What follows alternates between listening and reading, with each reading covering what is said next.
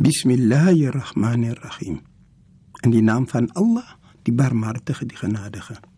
U weet, dit is seker vir 'n goeie paar jaar wat ek in alle tye afsluit met die aanhef. Dit bestaan uit 7 verse. En ek dink dit is belangrik dat ek miskien net so 'n bietjie verduidelik rondom waarom ons dit doen en waarom ek altyd dit gebruik, net sodat die luisteraars kan en mag weet. Dit is die eerste hoofstuk en dit is deel 1 en dit is die aanhef waar ons sê in die naam van Allah die barmhartige die genadige. Alle lof kom Allah toe.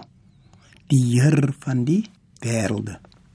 Nou wat ons eintlik daar sê is maak nie saak wat ons doen nie. Maak nie saak wie ons is nie. Alle lof kom daardie persoon toe. As u kyk, toe u pa was en die kindertjies was klein, hulle het gedink u is die begin en die einde van alles. Dit is wat hulle geglo het. Toe hulle besef dat mami is daar of die moeder is daar, toe is die ma die begin en die einde van alles. Ons sê, ons weet so ons sê, alle lof kom Allah toe die Heer van die wêrelde. Jy kan nou praat van 'n miljoen wêrelde of een. Hy is die meester van die wêrelde. Nou sien ons die barmhartige, die genadige. Dit is gesê dat as 'n dier die kleintjie verdedig teen wie ook al, dan is sy bereid om haar lewe aan op te gee. Maar daar kom 'n tyd waar sy sê man, ek kan maar liewer lewe en hy kan maar gaan want ek kan weer volgende jaar broei. Nou dit is gesê dat as jy kyk na dit, dit is maar 1/70ste van hoe genadig ons Skepper is hoe ons. En dis hoekom ons sê die barmhartige, die genadige. Nou sies die meester van die oordeelsdag. En waarom sê ek die oordeelsdag? Dit is daardie enkele dag. Daardie een dag Daardie eendag kan bestaan uit 5 miljoen jaar. Dit kan bestaan uit 500 miljoen jaar.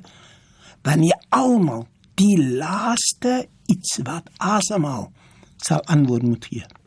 Hy sal moet verduidelik wat hy gedoen het met sy rykdom wat hy gekry het, waar hy dit gekry het, hoe hy dit gespandeer het, op wie hy dit gespandeer het en hoe hy dit self verdien het. Dit is waarom ons die meester van die oordeelsdag Nou sien ons U alleen aanbid ons en U alleen smeek ons om hulp. Wie anders kan ons aanbid? Wie anders kan ons aanbid? En vir wie anders kan ons smeek om hulp? As ons alreeds weet dat ons moet staan by die een enkele persoon in die hiernamaals.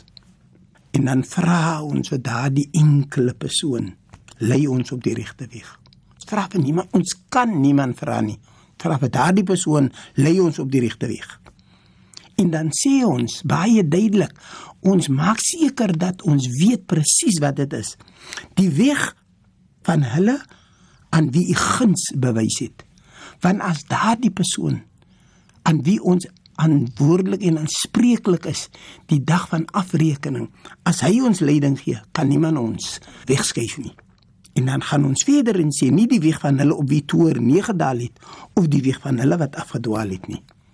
So ons sê, ons weet ons aanvaar dat as daardie persoon vir ons leiding gee, is ons op pad. En as daardie persoon ons nie leiding gee nie, is ons verlore. My liewe vriend, so as jy dit weer hoor, onthou net dit is teen daardie agtergrond wat ek baie graag wil u dit wil verduidelik. Kom ons sluit die oë en bid saam. Bismillahirrahmanirrahim. In die naam van Allah, die barmhartige, die genadige. Alle lof kom Allah toe. Die barmhartige, die genadige. Meester van die oordeelsdag. U alleen aanbid ons en U alleen smeek ons om hulp. Lei ons op die regte weg. Die weg van hulle aan wie U guns bewys het. Nie die weg van hulle op wie U toorn neergedaal het of die weg van hulle wat afgedwaal het nie. Walhamdulillahi rabbil alamin in alle dank en prys kom toe aan U. Allah